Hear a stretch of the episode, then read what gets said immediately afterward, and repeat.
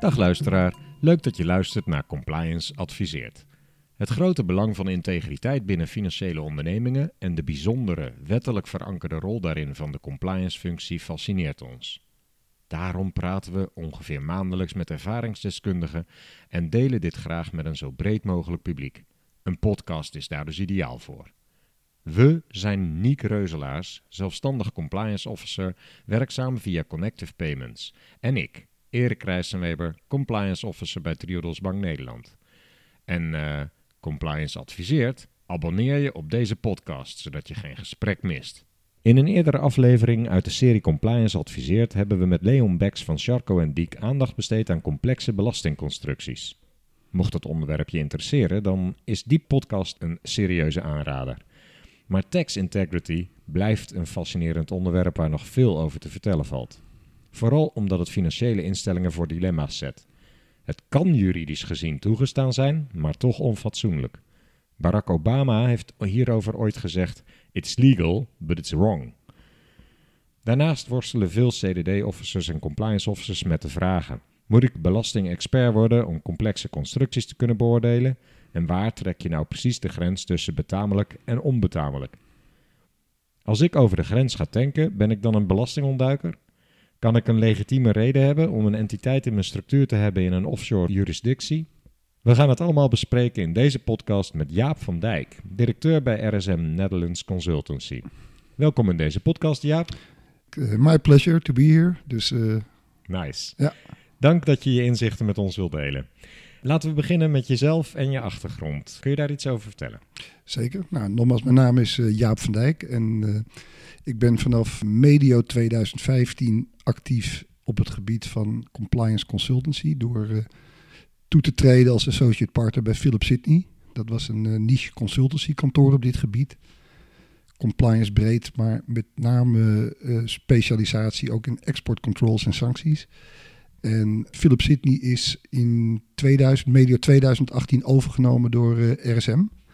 En dan RSM Consultancy. En het aardige is, dat was op instigatie van uh, RSM International.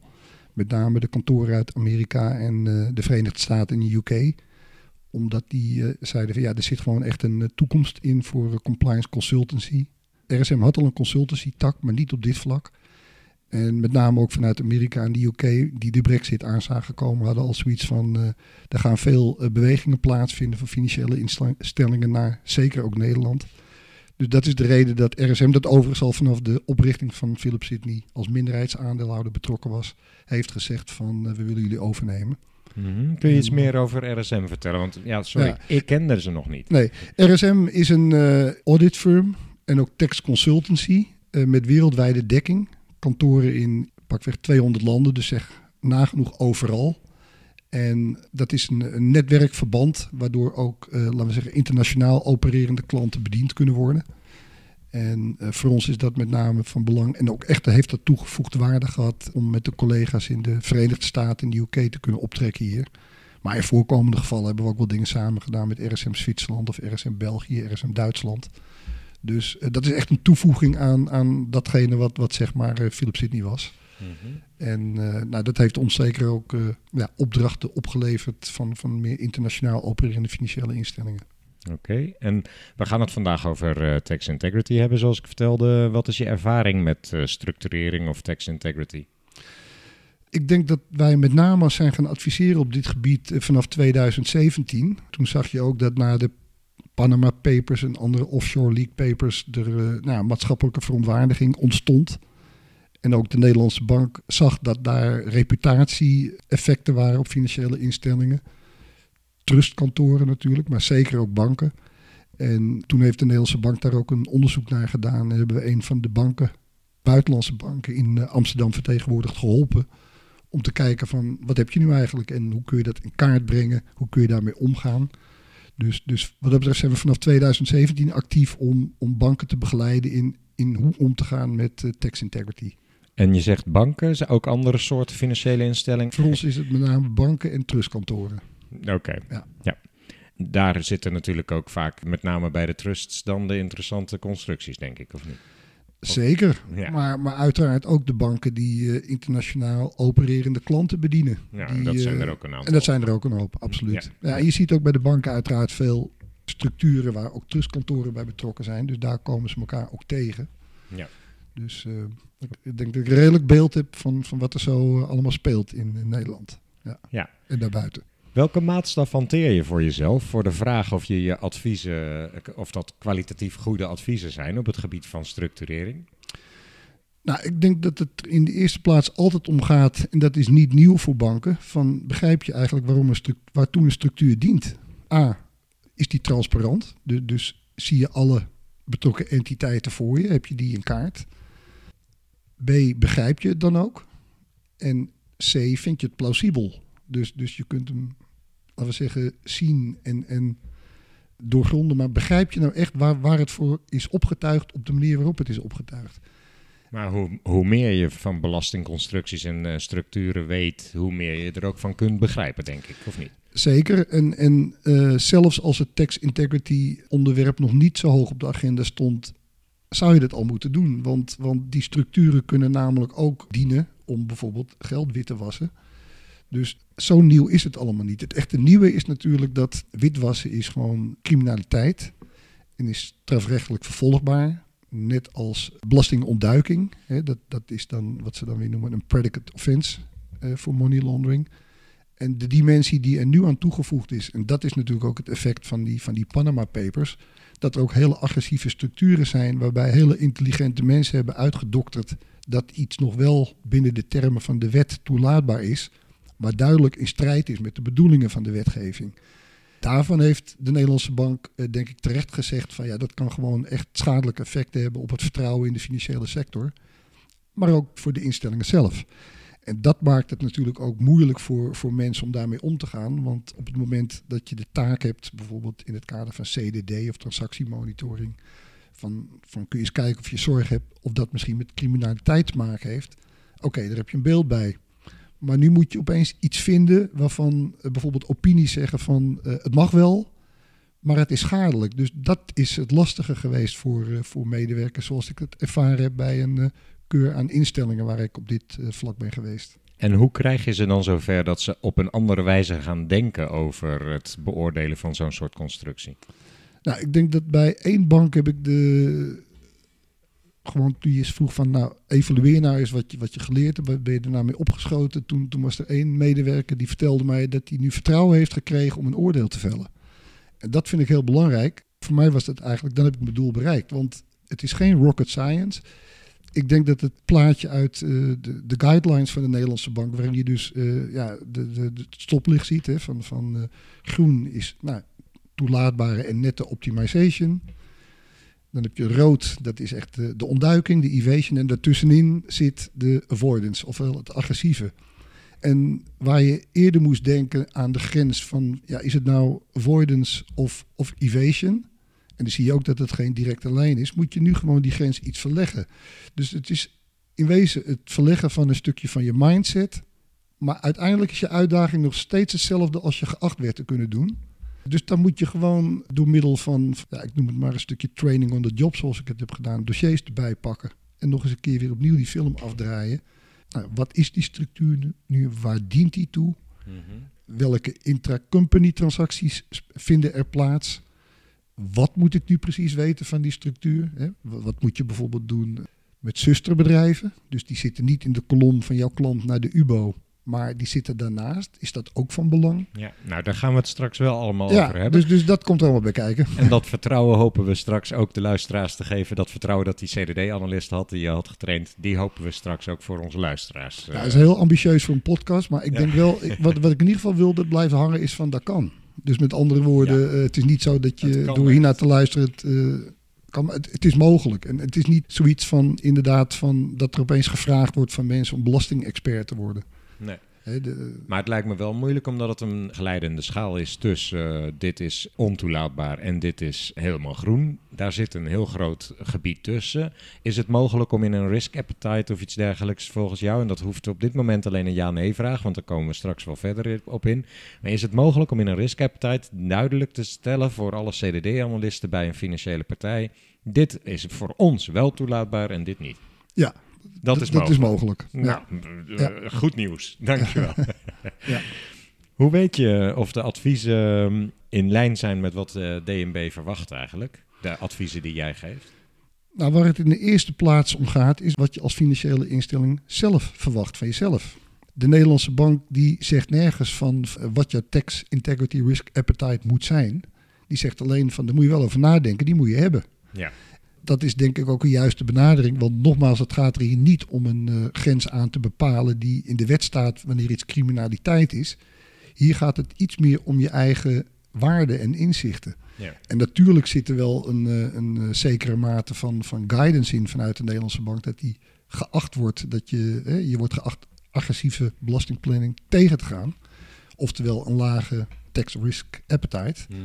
Maar het is zeker niet uitgesloten dat je hem hoog houdt. Alleen dan moet je wel goed nadenken van, van wat betekent dat voor mijn instelling. Mhm. Voer je daar dan het juiste beleid op? Hou je daar de juiste reserves voor aan voor als het een keertje misgaat met je reputatie? Ja. Dus banken komen hem wel tegen, bijvoorbeeld in de, in de bepaling van hoeveel eigen vermogen ze aan moeten houden. Wat moeten we eigenlijk verstaan onder tax integrity en, en waarom is het volgens jou een belangrijk onderwerp? Nou, ik denk dat het heel belangrijk is en, en dat het ook voor mensen die hiermee moeten werken van belang is om, om het doel van, van, laten we zeggen, het bestrijden van agressieve belastingplanning uh, voor ogen te hebben. Dat zeg ik ook wel eens voor de WWFT. Soms is het beter om even over de doelstellingen na te denken dan over wat er nou precies in die wet staat. Ik denk dat de Panama Papers wel hebben uitgewezen dat met agressieve belastingplanning ontzettend veel geld gemoeid is. Het is echt heel schadelijk voor de maatschappij dat allerlei opbrengsten worden weggesluist naar, naar belastingparadijzen.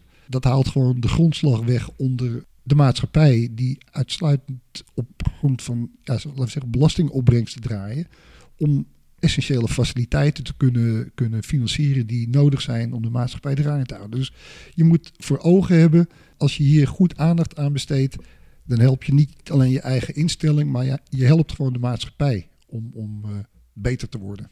En hoe komt het dat bedrijven en vermogenden mogelijkheden hebben om belasting te ontwijken? Van welke mogelijkheden maken ze dan precies gebruik? Nou, het is natuurlijk arbitrage van, van belastingregimes. Dus met andere woorden, als je internationaal met middelen en, en activiteiten schuift, kun je kijken naar in welke jurisdicties dat belastingtechnisch gezien gunstiger kan. En dan geldt ook dat er nog eens een uh, netwerk is van, van belastingverdragen. Belastingverdragen die, die hebben uiteraard uh, de goede intentie, die hebben doelen voor ogen. Bijvoorbeeld voorkomen van, van dubbele belastingheffing op één activiteit. Maar slimmerikken die kunnen daar natuurlijk structuren bij bedenken dat je onbedoelde, via onbedoelde structuren toch ook voor die voordelen gebruik kunt maken van een belastingverdrag. Ja, dat gaat dan gewoon in tegen de geest daarvan. En, en dat wordt ook steeds meer aangepakt. Nou, dan moet je gewoon als bank een visie op hebben van, van wat jij daarvan vindt en wat je rol daarin zou moeten zijn. Vind jij het dan ook nodig dat een CDD-analyst zo'n be belastingverdrag kent of opvraagt bij de klant hoe heb je die gebruikt? Nou, ik denk dat laatste is altijd goed, want als je vragen hebt, dan is de eerste bron van informatie dat is je klant zelf. Als een structuur voor jou wat moeilijker te begrijpen is, dan zou ik niet zelf duiken in de essentie van een belastingverdrag. Dan zou ik eerst aan die, aan die klant vragen, waarom heb je dat eigenlijk zo gedaan?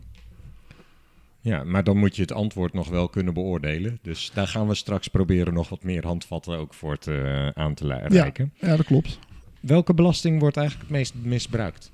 Het kan een, een hele reeks aan uh, belastingen betreffen, maar de focus ligt duidelijk op, op de vennootschapsbelasting. Met dividendbelasting of withholding tax uh, als goede tweede. Maar we hebben ook wel cases gezien dat, dat zeg maar wat stromen of middelen werden verlegd om bijvoorbeeld de erfbelasting in een bepaald land uh, te ontwijken. Of uh, ja, we zien wel met, met, met vastgoed moet je natuurlijk altijd kijken of de overdrachtsbelasting wordt vermeden. En belasting toegevoegde waarde, BTW, is uiteraard ook een uh, type belasting waar je mee kunt spelen met BTW-carousellen. Maar wij focussen met name op de vennootschapsbelasting en de verlegging daarvan.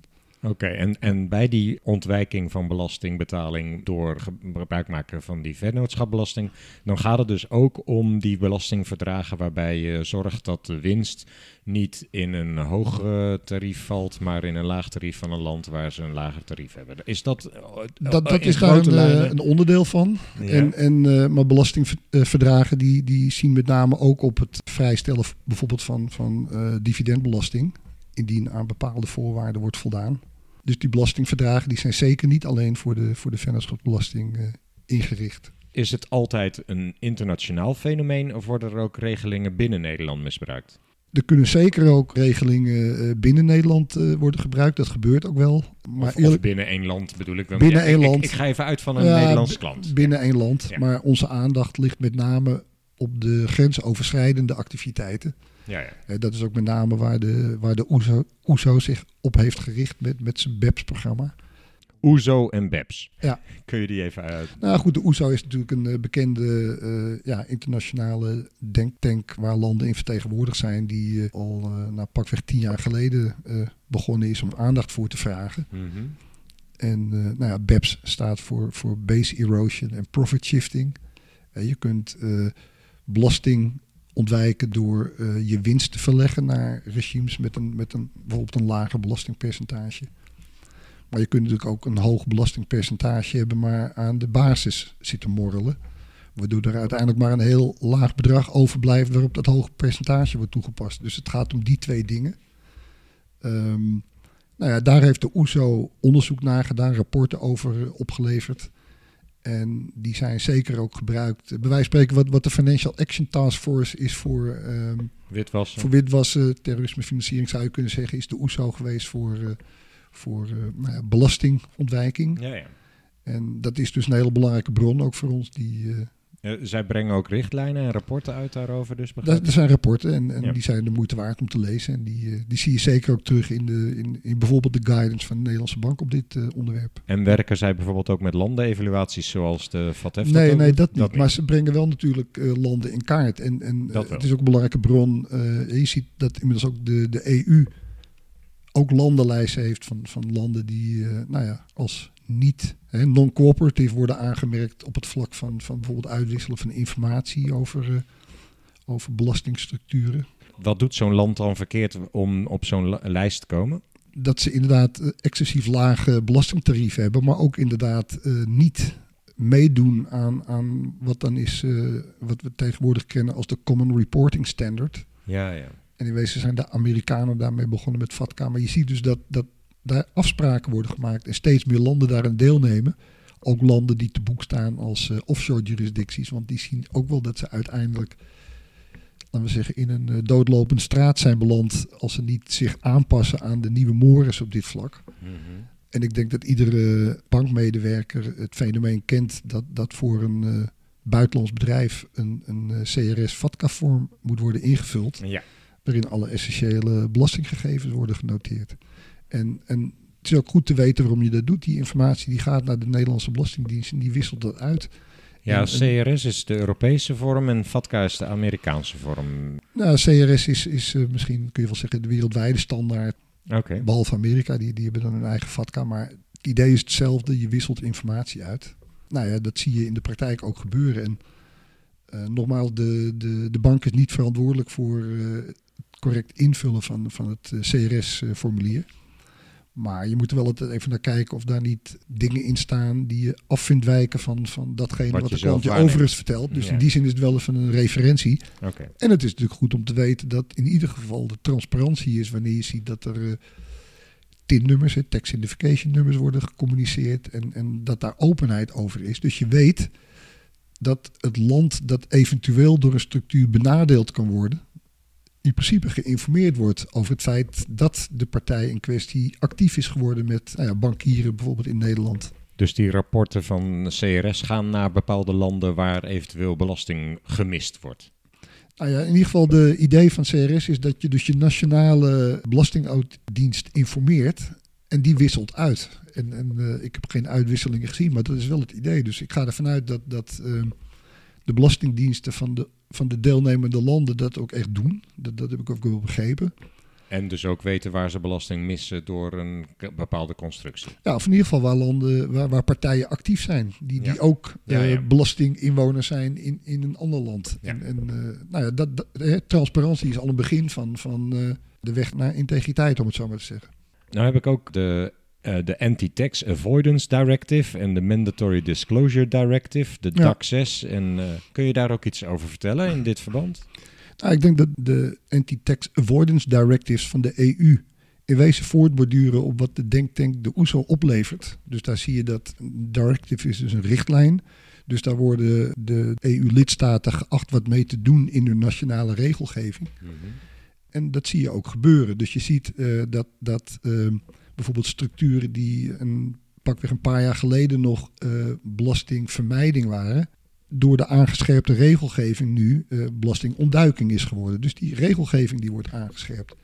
En je ziet het ook in hele praktische zaken. Dat, dat, hè, het kan heel nuttig zijn en ook plausibel dat, dat buitenlandse partijen in Nederland holdingmaatschappijen oprichten. Maar die, die moet wel, laten we zeggen, verklaarbaar en, en plausibel zijn. En je ziet dus dat bijvoorbeeld in Nederland eh, voor, voor dit jaar 2021 de, de zogenaamde minimum substance requirements zijn aangescherpt. Dus je moet meer substance hebben dan vorig jaar. Wil je nog steeds in aanmerking komen voor bijvoorbeeld de voordelen die samenhangen met belastingverdragen. Substance, kun je dat kort even toelichten? Nou, substance is dat, dat alles wat je toevoegt aan een, aan een shell company. Een shell company is eigenlijk een lege vennootschap waar niks in zit. Nou, dan is er sowieso geen substance. En zodra je er een eh, activiteit of een asset in stopt, dan krijgt het al een beetje substance. Als je de mensen laat werken, krijgt het nog meer substance. En dit is natuurlijk een heel belangrijk uitgangspunt, zeker in een land als Nederland, met, met ook zijn trustsector, waar zoveel holdingmaatschappijen zijn gevestigd, waar zoveel geldstromen doorheen lopen, van ja, wat zit daar nou eigenlijk in?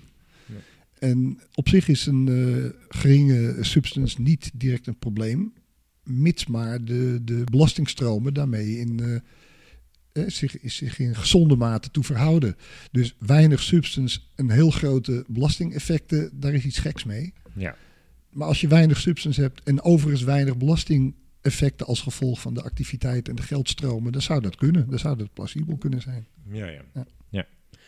Ja. We bevinden ons in een eh, overgangsfase eh, wat betreft de regelgeving. Wat denk je dat er waar meer nadruk nog op zal komen te liggen?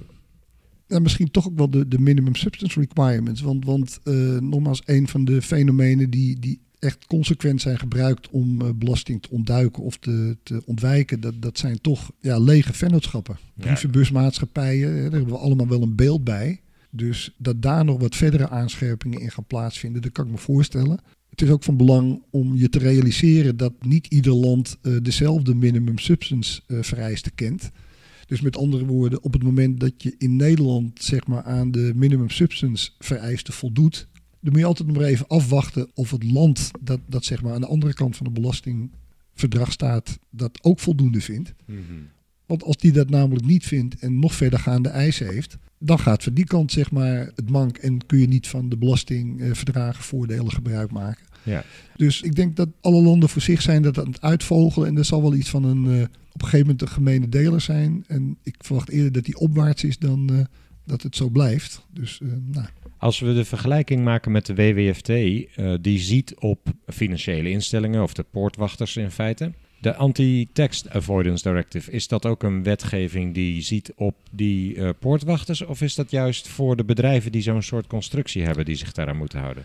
ja, want daar, daar staan in wezen de richtlijnen in voor de, voor de lidstaten om hun lokale belastingwetgeving aan te scherpen, zodat belastingvermijding wordt bestreden en daarmee in wezen belastingontduiking wordt. Oké, dus, de eisen worden aangescherpt. Ja, dus Ja. de wet ziet eigenlijk op wat de landen aan wetgeving moeten hebben.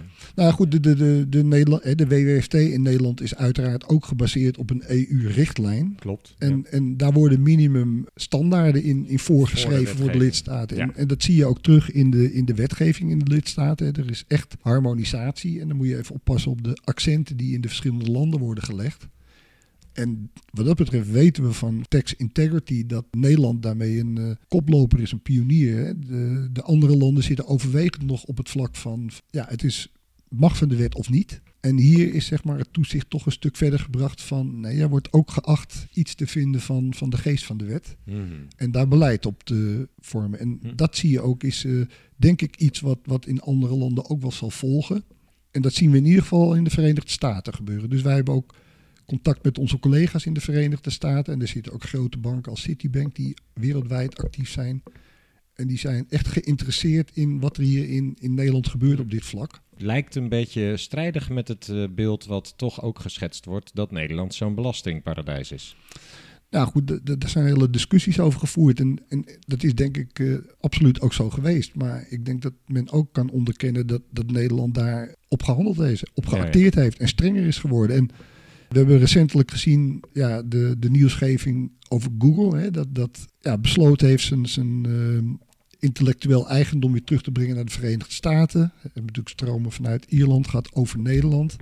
Ja. Nou, al die, al die stromen, als ik het goed uit mijn hoofd nog weet, die hebben in Nederland iets van 25 miljoen aan belasting opgeleverd. Dat Google die stap heeft gezet, dat heeft te maken met de aangescherpte regelgeving hier in de EU, zowel Ierland als, als Nederland. Mhm. Maar ook Google die, die neemt kennis van de ontwikkeling en hoe de maatschappij tegen dingen aankijken. Dus die hebben ook zoiets, misschien ook wel hun beleid en, en eh, ja, hun, hun normen wat, wat, wat aangescherpt. Zoals je wel meer ziet op het moment bij multinationals. En dat vind ik gewoon een hele interessante ontwikkeling. Ook in Nederland eh, kennen we natuurlijk Philips. En bij Philips zie je gewoon dat die ook een, een tax integrity beleid hebben om, omarmd dat ze gewoon passen in hun hele sustainability eh, kader. Dus met andere woorden, die vinden dat dat deel uitmaakt dat je overal je fair share betaalt als onderdeel van, van duurzaam ondernemen. En dat vind ik een hele eh, verfrissende gedachte die de hele tax integrity discussie weer een stuk verder brengt. En we zijn natuurlijk begonnen met de banken van, hey, de Nederlandse bank wil iets, daar moeten we dus iets mee. En hoe zullen we dat oplossen zodat de Nederlandse bank het goed vindt?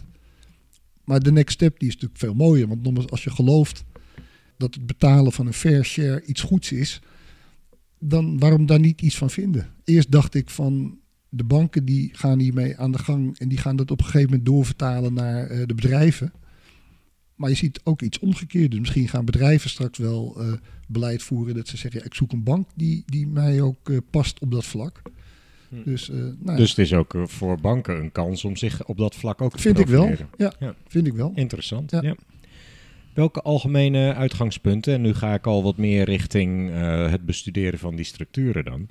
Welke algemene uitgangspunten hanteer je voor het beoordelen van belastingconstructies? Waar zou je in je CDD-procedure in het algemeen aandacht aan moeten besteden? Ik herhaal wat ik in het begin zei. Je moet hem in, in principe sowieso al eh, voor je hebben. Dus, dus eh, De structuur, herkenbaar? Ja. een goede chart. eh, alle entiteiten die van belang zijn organogramachtig iets? Organogram, Ja. inderdaad, met alle entiteiten erin. Sowieso tussen de klant en de UBO. Maar ik zou ook wel willen weten waar de dochters zitten en waar die actief zijn. Ja, een uitdaging vind ik nog wel nogmaals de zusterbedrijven. En dat hangt er vanaf. eh, zodra er intercompany eh, transacties zijn met zusterbedrijven, dat definieer ik maar even als bedrijven die uiteindelijk dezelfde UBO's hebben. Ja, dan is dat een mogelijkheid voor belastingontwijking aan de hand van ja, niet conforme voorwaarden die, die in dat soort transacties kunnen zitten. Ja, want dan gaat het om eh, zusterbedrijven die in verschillende landen zitten. Als er Ja. dan grote bedragen heen en weer gaan, dan Ja. eh, zou je kunnen concluderen dat in het land waar het Ja. geld vandaan komt, de substance eigenlijk zit. Want daar werd het geld verdiend. Ja. Dat maakten ze over naar een eh, land waar ze een gunstiger belastingtarief kunnen betalen. Dat, eh, bedoel je het op die manier? Ja, zeker. En, en eh, dat kan in allerlei vormen bestaan. Hè. Je kan entiteiten hebben die als een bepaalde treasury-functie hebben eh, voor, voor eh, nou ja, andere bedrijven, entiteiten uit de groep. En daar kun je een tarief op rekenen. Als je een intracompany lening verstrekt van de ene aan de ander, Leningen ook. ja, daar kan je 20% rente op doen of 1%. En dat heeft qua belastingen uiteraard een behoorlijke impact Mhm. voor beide betrokken landen. Terwijl er eigenlijk niks gebeurt, want het geld blijft nog steeds bij diezelfde UBO. Nou, het is op zich natuurlijk een dienst met toegevoegde waarde. Want, want of je het nou van een bank krijgt of intercompany. Maar het Ja. moet wel voldoen aan de toets van, van gebeurt hier iets wat uitlegbaar is als, als zijnde marktconform. Toch lijkt me dat dan lastig, want ik kan me voorstellen dat als je daar een eerste vraag over stelt, dat een klant redelijk plausibele verklaring kan geven die eigenlijk toch uh, waar een ander motief achter heeft gezeten. Nou, met name om de, de treasury-functie zie je dat, dat banken uiteraard, de banken worden gewoon geacht een beeld te hebben bij de juiste pricing van een lening. Een bank snapt ook wel dat, dat als een lening intracompany opeens bijvoorbeeld 20% percentage bij de huidige rentestand, dan moeten er gewoon wat alarmbelletjes bij afgaan. Ja. Dan, moet er iemand met een hele goede uitleg komen van waarom is dat 20%. En, en uh, waarom zou die entiteit dat dan niet gewoon lokaal bij een bank proberen te lenen in plaats van jouw intracompany? En uh, ja. ja, op die manier moet je Dat is de benadering. Ja, ja. Goed, we hebben zojuist al een beetje de financiële transacties zeg maar, gehad die intercompany kunnen plaatsvinden. Maar zijn er ook andere manieren waarop zo'n structuur misbruikt zou kunnen worden? Ja, de, inderdaad, financier, intercompany financing is maar een voorbeeld. Maar je hebt natuurlijk ook gewoon uh, partijen die uh, goederen aan elkaar leveren die tot dezelfde groep behoren. En als je dat doet tegen niet marktconforme prijzen, dan ben je in wezen ook al bezig om resultaten te verleggen van de ene jurisdictie naar de andere. En dan heb je er maar op uh, toe te zien of je je comfortabel voelt als bank dat dat allemaal tegen marktconforme condities plaatsvindt. En dat is natuurlijk wel lastig beoordelen. Als je het hebt over commodities, dan kun je bij wijze van spreken op je scherm kijken van zit het een beetje in beeld bij de marktprijzen. Maar het wordt alweer lastiger als het ja, om minder gangbare halffabrikaten gaat. Dus ja, dat hangt een beetje van de situatie af. Maar je wordt wel geacht er iets van te vinden. Want het kan in principe overigens ook money laundering zijn, maar ook belastingontduiking of ontwijking. Dus ja, daar moet je een mening bij hebben. En zou je dan de bank adviseren op het moment dat je echt het uh, niet kunt inschatten, doe het dan ook gewoon niet? Of is er dan toch nog genoeg reden om te zeggen, nou, het is wel uh, acceptabel, ook al doorgrond je het niet volledig? Nou, ik denk, het, het begint ermee dat, dat als het een bestaande klant betreft, dan heb je hem al geaccepteerd en dan heb je in principe vertrouwen in de klant. Dus als jij iets gek ziet, dan is er niets normaler dan de klant even te benaderen en zeggen, ik zie iets wat ik niet begrijp, leg me dat eens uit. Ja. Ja. En dan kom je altijd weer voor de vraag te staan van, ja, wat doe ik met het antwoord? Wil ik bewijzen? Liefst wel. Mhm. Maar je mag daar ook best wel je eigen gezonde verstand bij gebruiken. En, en het is wel zo, als je dat doet, dan legt dat ook in je dossier vast. Van, nou, ik heb daar gewoon een inschatting gemaakt van dat ik dat uh, plausibel vind. Maar dat is toch je eerste reactie als je iets gek ziet. Vraag het eens even aan je klant. Ja. Maar er zijn ook andere mogelijkheden die, die in groepsverband spelen. Je ziet vaak dat, dat ja, bedrijven waar, waar uh, zeg maar uh, een, een topholding op zit en dus uiteindelijk ook de cijfers van alle entiteiten worden geconsolideerd, dat de accountant ook een verklaring afgeeft over de transfer pricing. Dus met andere woorden, als je nog twijfels hebt, maar je ziet gewoon dat een erkend accountantskantoor een opinie heeft afgegeven dat de transfer pricing correct plaatsvindt en voldoet aan nou ja, de standaarden dat het allemaal at arm's length gebeurt, dan, dan kan dat een hele belangrijke overweging zijn voor jou om in je dossier te concluderen dat, dat intercompany transacties correct zijn en niet gepaard gaan met, met belastingverschuiving. Juist, ja. Dat is een manier om te kunnen aantonen dat de, belast, de belastingverschuiving waarschijnlijk niet heeft plaatsgevonden. Ja, dat, dat, dat ja. accountantsrapport. Daar zou je op kunnen zoeken. Ja. Uh, je stelt vast of een lening volgens marktconforme voorwaarden uh, plaatsvindt. En je stelt vast of handel in goederen marktconform is.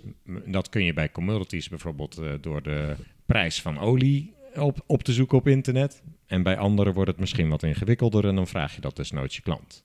Desnoods, ja. ja. Dat is een uh, duidelijk beeld. Zijn er nog andere vormen waar je, uh, of zaken waar je zelf direct op let? Wat zou je als eerste gaan bekijken van zo'n structuur? Nou, ik noemde net wijze van voorbeeld uh, Philips, maar ik zie het ook bij Shell en DSM gebeuren, dus ook andere landen, dat die daar beleid op voeren. Dat, dat zijn denk ik de, de, de pioniers. Je kunt natuurlijk gewoon eens aan je klant vragen van heb jij zelf een tax integrity beleid? En zo ja, mag ik dat eens zien? En dat is natuurlijk niet een garantie dat ze het ook echt effectief uitvoeren. Het kan altijd zijn voor window dressing of een beetje cosmetica. Maar toch is het een hele normale vraag om aan je klant eh, te vragen: joh, je bent internationaal bezig. Heb je daar een visie op of een beleid op? Ja. En dat kan ook een element zijn dat je zegt: van nou, daar heb ik vertrouwen in. Dat betekent ook dat ik bij een individuele transactie minder diep hoef te graven of ik het allemaal kan begrijpen. Want ik heb gewoon vertrouwen in dat dat beleid effectief wordt uitgevoerd. Ik zie het beleid, ik zie een accountantsverklaring. Oftewel, daar hoef je geen expert voor te zijn op belastinggebied. Dat zijn gewoon dingen die je ook voorheen al bij wijze van spreken zou kunnen toepassen op andere integriteitsrisico's als witwassen of, of eh, sancties, uh, exportcontroles. Heeft men daar beleid op als klant?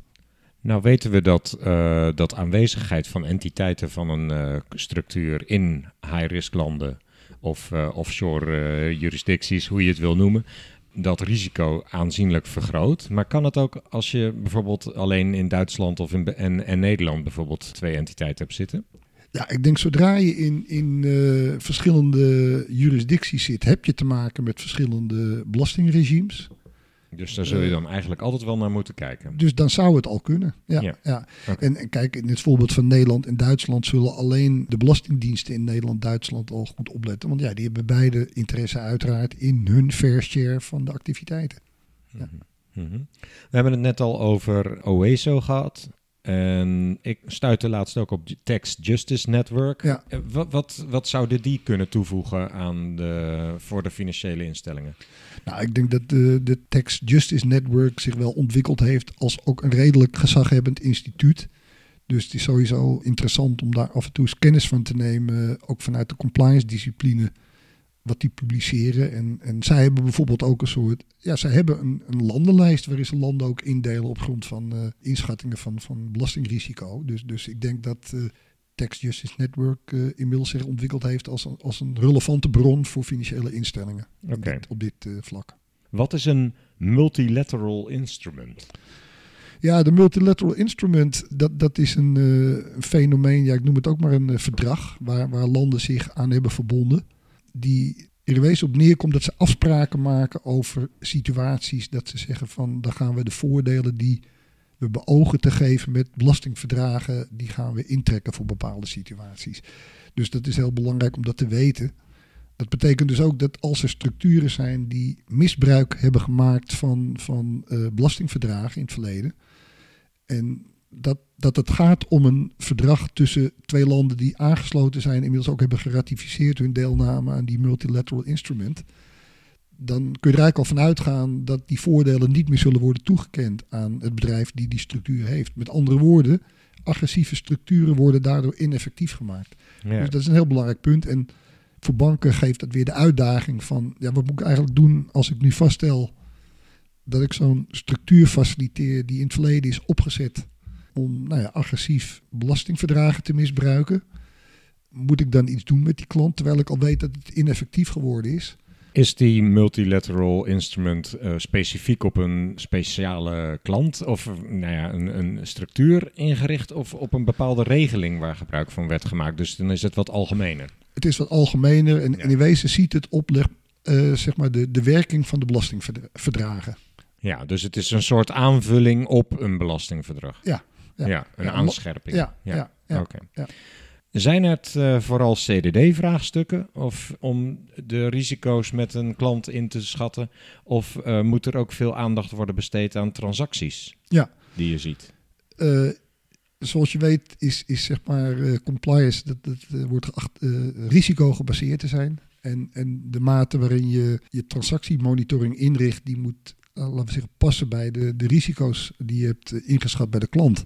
Dus met andere woorden, als je klanten ziet met een uh, structuur die, die in principe uh, misbruikt zou kunnen worden, makkelijk misbruikt zou kunnen worden, hmm. ja, dan schept dat gewoon extra eisen aan, je, aan, je, aan de alertheid van je transactiemonitoring. Ja, ja. ja. En dan ga je dus kijken, hey, ik zie uh, ineens een bedrag van het ene entiteit naar de andere gaan uh, met de omschrijving lening. En dan kun je daar vragen over gaan stellen. Ja. Dat is het idee in uh, grote ja. lijnen, ja. denk ik. Ja, ja en, en, en de usual suspects zijn natuurlijk als je opeens ja, betalingen langs ziet komen met de titel consultancy of advies. Dan heb je al heel, ja, snel de vraag van, oh ja, wat is dat dan? En, en dat verwacht ik helemaal niet, gelet op jullie intercompany verhoudingen, dat er opeens dat soort facturen over en weer worden gestuurd. Ja. En ik denk dat daarom ook, wat in Nederland ook wel strak is neergelegd, dat je tegenwoordig gewoon geacht wordt een, een verwacht transactieprofiel op te maken van een, uh, van een klant. Uh, dat is ook in het kader van bestrijding van, van witwassen, maar zeker ook in het kader van uh, het monitoren van je, van je belastingrisico's. Ja, als je daarin faalt, dan kun je eigenlijk niet eens echt goed transacties monitoren.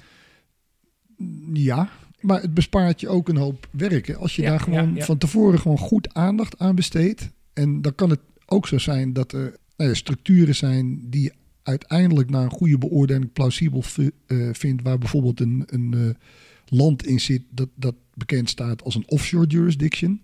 Maar dan hoef je niet direct stijl achterover te slaan als zich een keer een transactie aandient op Ja. dat land wat in je eh, verwachte transactieprofiel zit. Ja, verwacht Terwijl- en, en, Ja. en acceptabel. En acceptabel uiteraard, want, want het blijft zo dat, dat transacties je moet beoordelen of die, of die Ja. inderdaad eh, plausibel zijn. Ja, ik had een heleboel illegale ver- eh, transacties verwacht, dus het is goed. Nou ja, ik, we, we hebben zo, kunnen we nog wel een, eh, een, structuur bespreken waarin, waarin ik daar nog eens voorbeelden van kan geven. En, en eh, dus daar moet de alertheid wel goed passen bij het inherente eh, profiel van, van de structuur. En Dat is een goed bruggetje, want ik denk dat het tijd is om een aantal structuren, is de praktijkvoorbeelden door te spreken. Ja. Zou je eens een structuur van een klant willen, be- willen uitleggen? En dan gaan we daar per structuur die je, die, je, die je schetst, gaan we eens kijken naar waar moet de CDD-analyst dan op letten? Welke legitieme verklaringen zijn er of welke mogelijkheden zijn er om eh, belasting te ontwijken? Eh, welke documenten zou een CDD-analyst dan op moeten vragen? Laten we met een structuur beginnen die, eh, die je in je hoofd hebt. Nou, waar ik mee wil beginnen is een hele eenvoudige structuur. Omdat er vaak wordt gedacht dat, dat belastingontwijking of ontduiking vrijwel altijd geassocieerd wordt met complexe structuren met meerdere lagen. En het is waar dat je dan, wij spreken, ja, meer onderzoek zult moeten doen. Maar het kan ook al bij hele simpele structuren. Dus vandaar dat ik een eh, simpele in gedachten heb. En die ben ik ook in de praktijk tegengekomen. En dat is bijvoorbeeld van, van een UBO, die, één UBO die in eh, Turkije zit en één UBO in de Verenigde Arabische Emiraten. En die zetten een holding entiteitje, een BV, op in Nederland. En de BV in Nederland heeft een 100% dochter op de British Virgin Islands. En dat staat algemeen bekend als een offshore, jurisdiction Ja. met een, eh, laten we zeggen, gunstig belastingregime. Nou, dan moet je natuurlijk, wat ik in het begin ook al zei, van, eh, nou, het plaatje is transparant, het is simpel. Nou, je weet Twee hoe die in UBO's, elkaar zit. Een Ja. holding en BVI. En dan moet je ook nog de vraag weer beantwoorden van, van begrijp ik hem? Nou, dat is niet zo moeilijk in dit geval. En vind ik hem plausibel. En dan moet je dus weten van, ja, waar is dat bedrijfje op die eh, British Virgin Islands voor bedoeld? Nou, in dit concrete voorbeeld ging het om twee welgestelde UBO's die een plezierjacht hadden, die, die eh, af en toe een week gaan, gaan varen in, de, in het Caribisch gebied. Die boot die ligt daar dan. En nou, BVI is dan, staat ook bekend om zijn efficiëntie voor het registreren van schepen. Die hebben daar gewoon ook eh, gunstige fees voor. Er is ook infrastructuur dat je daar een eh, kapitein kunt huren die altijd beschikbaar is voor je schip. En dat schip moet natuurlijk onderhouden worden. Dus in dit geval is het niet eens zozeer een belangwekkende economische activiteit. Het zijn gewoon twee mensen die een holding in Nederland oprichten, die een entiteit op de BVI hebben en die gaan dat schip gebruiken. Maar waarom dan die holding in Nederland? Nou, dat is een hele goeie. Dus, dus eh, dat moet dan een doel dienen. En dat komt in dit geval is dan de, de reden dat de beide UBO's in andere landen wonen.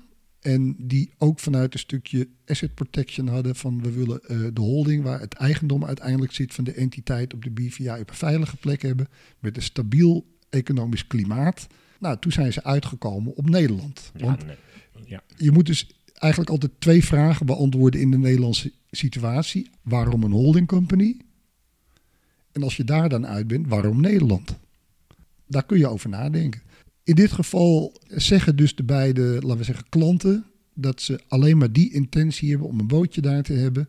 Geen belastingmotieven erachter. En ja, hoe bepaal je nou of je dat gelooft? Mhm. En daarom is het bruggetje naar de transactiemonitoring weer te maken. Van oké, u zegt dat u daar een boot heeft waar u af en toe gaat varen.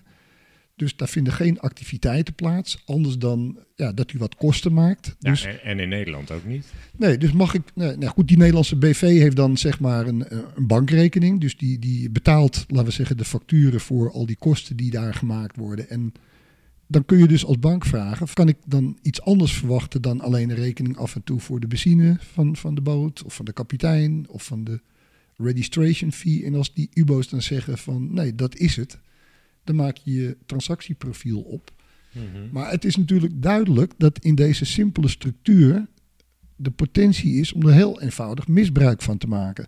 Want die kapitein hoeft bij wijze van spreken maar één keer een factuur in te sturen van... ja, ik heb wat adviezen geleverd voor uw boot en daar reken ik 1 miljoen voor. Dan ontstaat er opeens een miljoen winst op de BVI en een miljoen verlies hier. Als je dat overkomt als financiële instelling, als je deze structuur aanneemt, dan, vind je, dan schiet je echt tekort. Dat mag dan niet gebeuren. Met andere woorden, als die activiteit echt het enige is wat ze daar doen, dan zul je dus ook zien dat er geen enkele belastingdienst hierdoor benadeeld wordt. Nee. Want in BVI ontstaan geen winsten, sterker nog, alleen zelfs wat kosten. Ja, alleen. In Nederland ontstaan geen gekke winsten of resultaten of verliezen.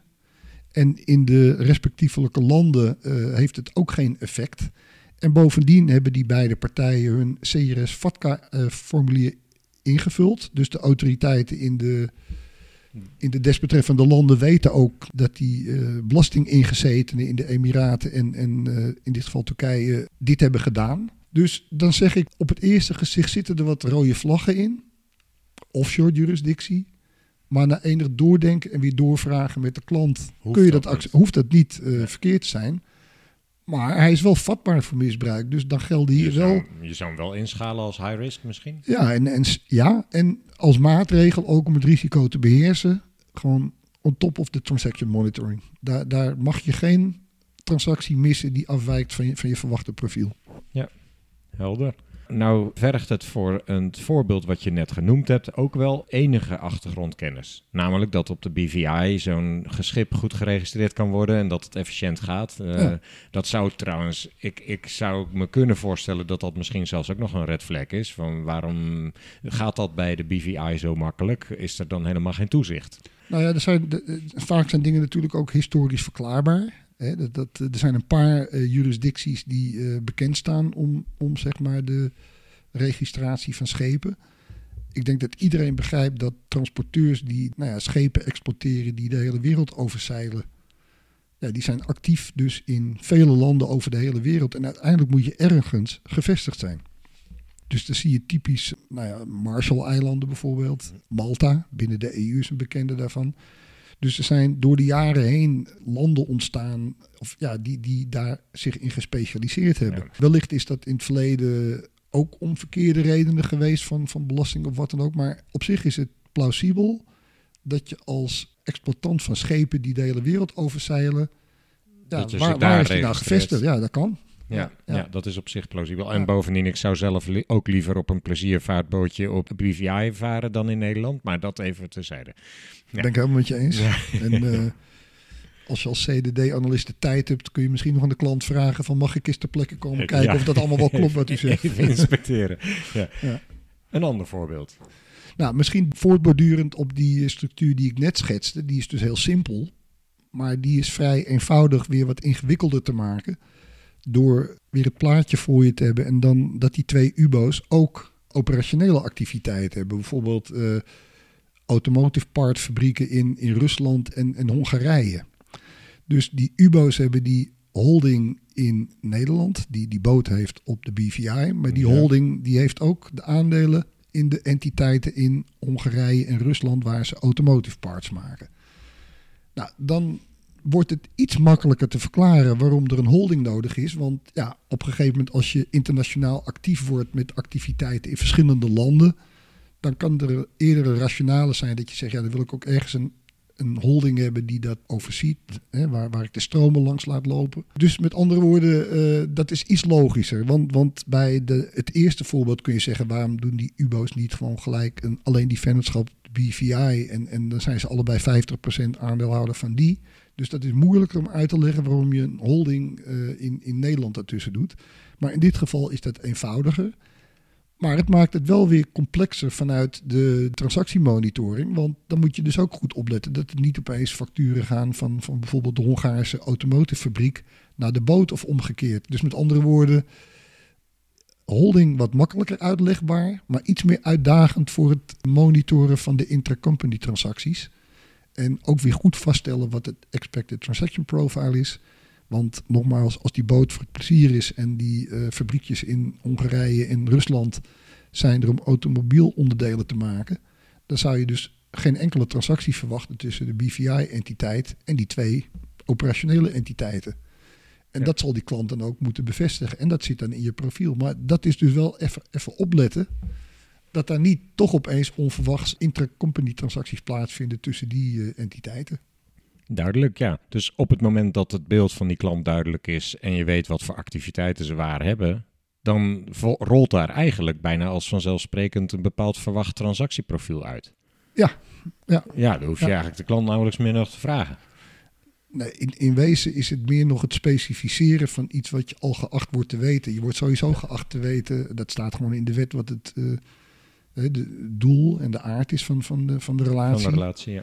Ja. En eh, ja, dan kun je nog specificeren van, van eh, en wat je ook kan helpen in, in zeg maar eh, een stuk automatisering in je transaction monitoring. Dat je echt al gaat invullen van oké, van welke partijen kan ik dan betalingen verwachten? Aan welke partijen verwacht je betalingen te doen?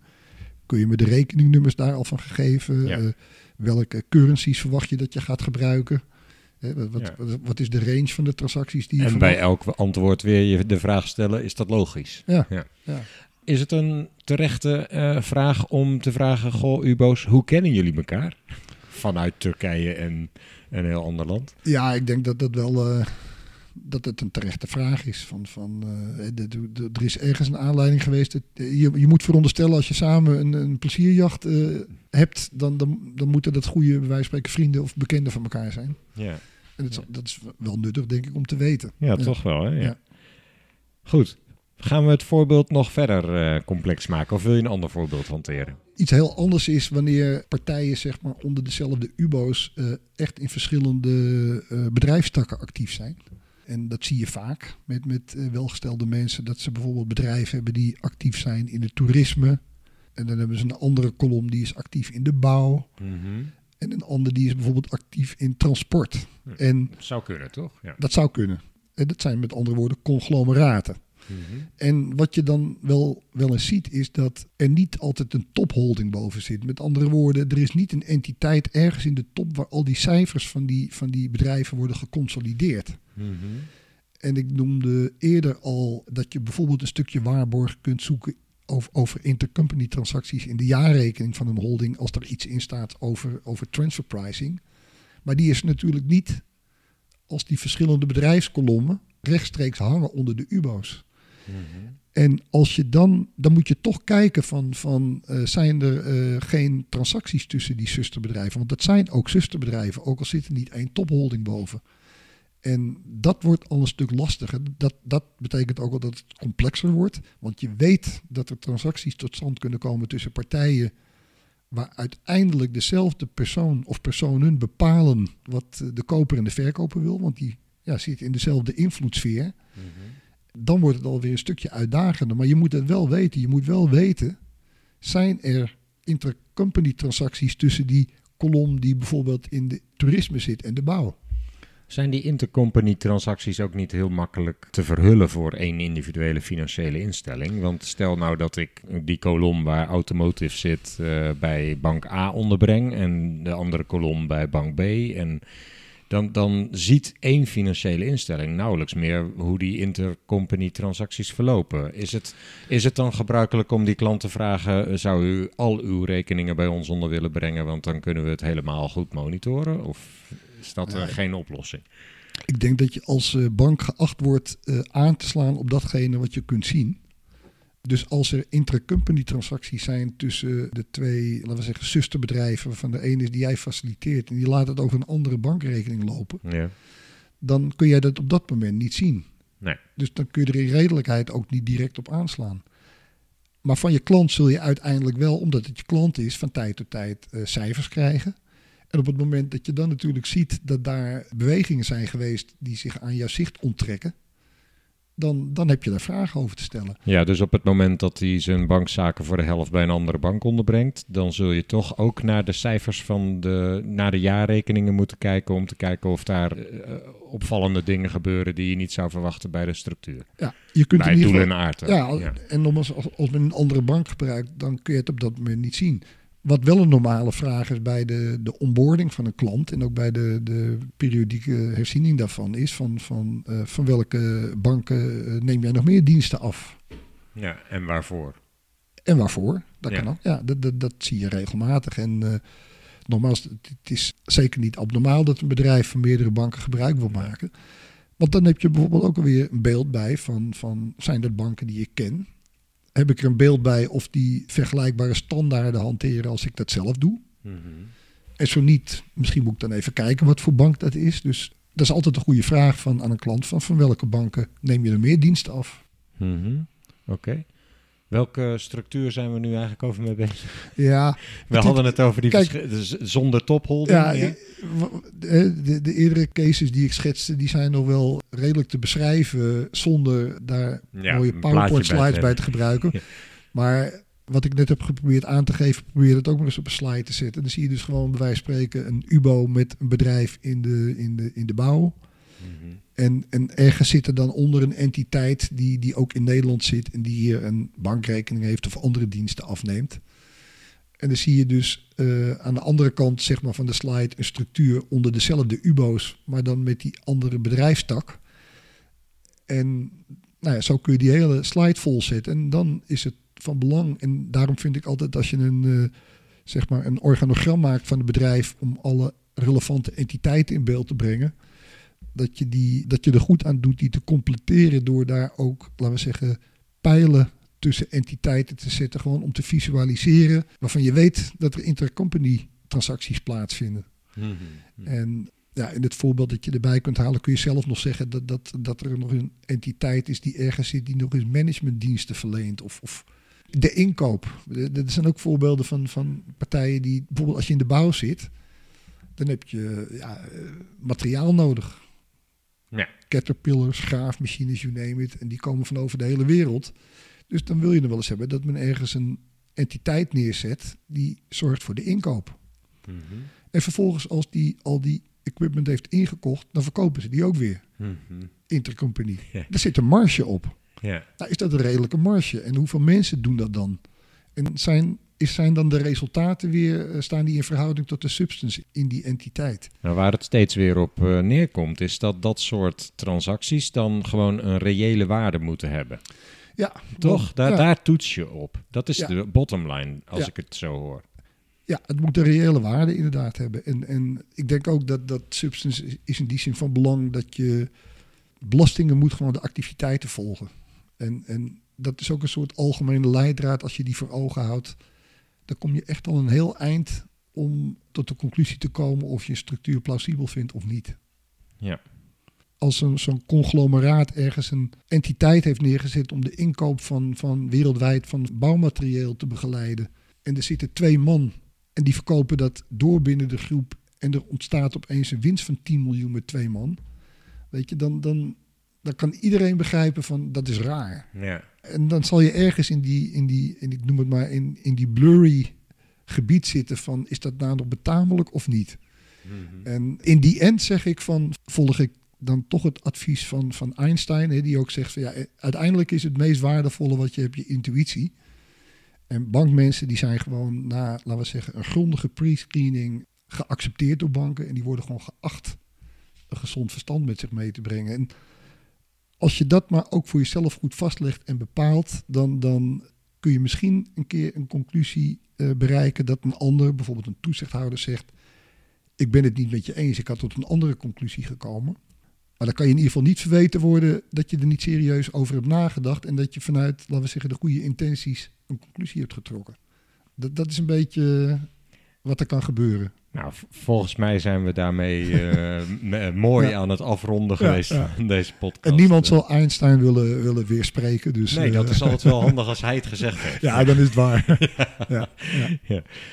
We hebben nu een aantal interessante voorbeelden gehoord, waarmee eigenlijk al eh, behoorlijk wat risico's, legitieme redenen, maar ook aanleiding om voor misbruik en hoe je dat dan afhandelt. En met name nadruk legt op wat is het verwachte transactieprofiel, is een erg belangrijke. Kun je nog één specifieke red flag noemen voor een structuur waarvan je zegt, ja, die, die vind ik ook belangrijk om nog te noemen. En dan gaan we afronden. Ja. Nou, ik ben ook een eh, structuur tegengekomen van een eh, partij, een UBO uit Kirgizië. Nou, dat is meteen al een red flag. Precies, dat is al een red flag, inderdaad. En die heeft een BV in Nederland opgericht met daarboven een NV en daarboven nog eens een stichting. Hmm. En de activiteiten die zaten dus in het bedrijf in dat bewuste land. En dat ging puur om onroerend goed beleggingen, onroerend goed transacties. En dit is denk ik een voorbeeld, daar kom je gewoon niet uit. Dat kan niet, want, want nogmaals, eh, er kunnen redenen zijn voor een buitenlandse partij om ergens een holding neer te zetten, zoals bijvoorbeeld in Nederland, wanneer die eh, zeg maar de internationale ook activiteiten overziet. Maar in dit geval, als alle activiteiten zich in Kirgizië afspelen, Ja. Eh, wat is nou in vredesnaam de reden om in Nederland een holding op te richten en dan nog eens met een BV, een NV erboven en ook nog eens een stichting? Hmm. Dus daar komen natuurlijk alle verdenkingen van, van, van anonimiteit naar voren. Ook met zeg maar een roze bril kun je daar niet bij bedenken van, van wat daar nou plausibel aan kan zijn, anders dan belastingmotieven. Ga je die klant dan ook nog benaderen of zeg je van nou, eh toedeledokie, zoek het maar uit.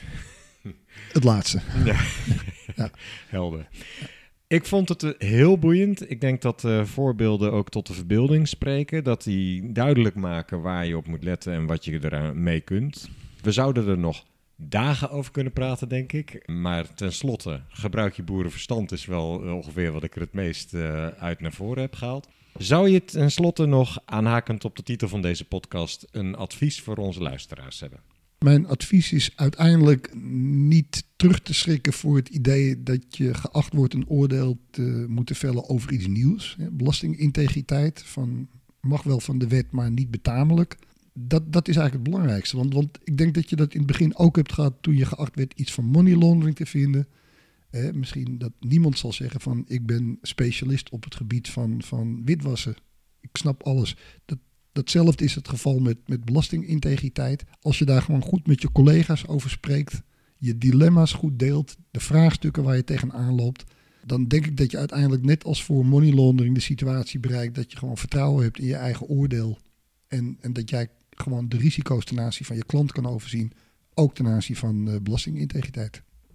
Dankjewel uh, Jaap voor alle informatie in deze podcast en heel veel succes uh, voor de toekomst. Uh, blijf de belastingontwijking bestrijden, zou ik zeggen. Ja. en, ik ga zo nog wel even in Duitsland tanken, maar dat is een... Gek. Ja. Gek, Voor de luisteraar zou ik willen zeggen, de volgende podcast verschijnt binnenkort. Wil je hem niet missen? Abonneer je dan op de podcast in je favoriete podcast app. En volg vooral de LinkedIn pagina van Compliance Adviseert. Tot de volgende keer en dank voor het luisteren.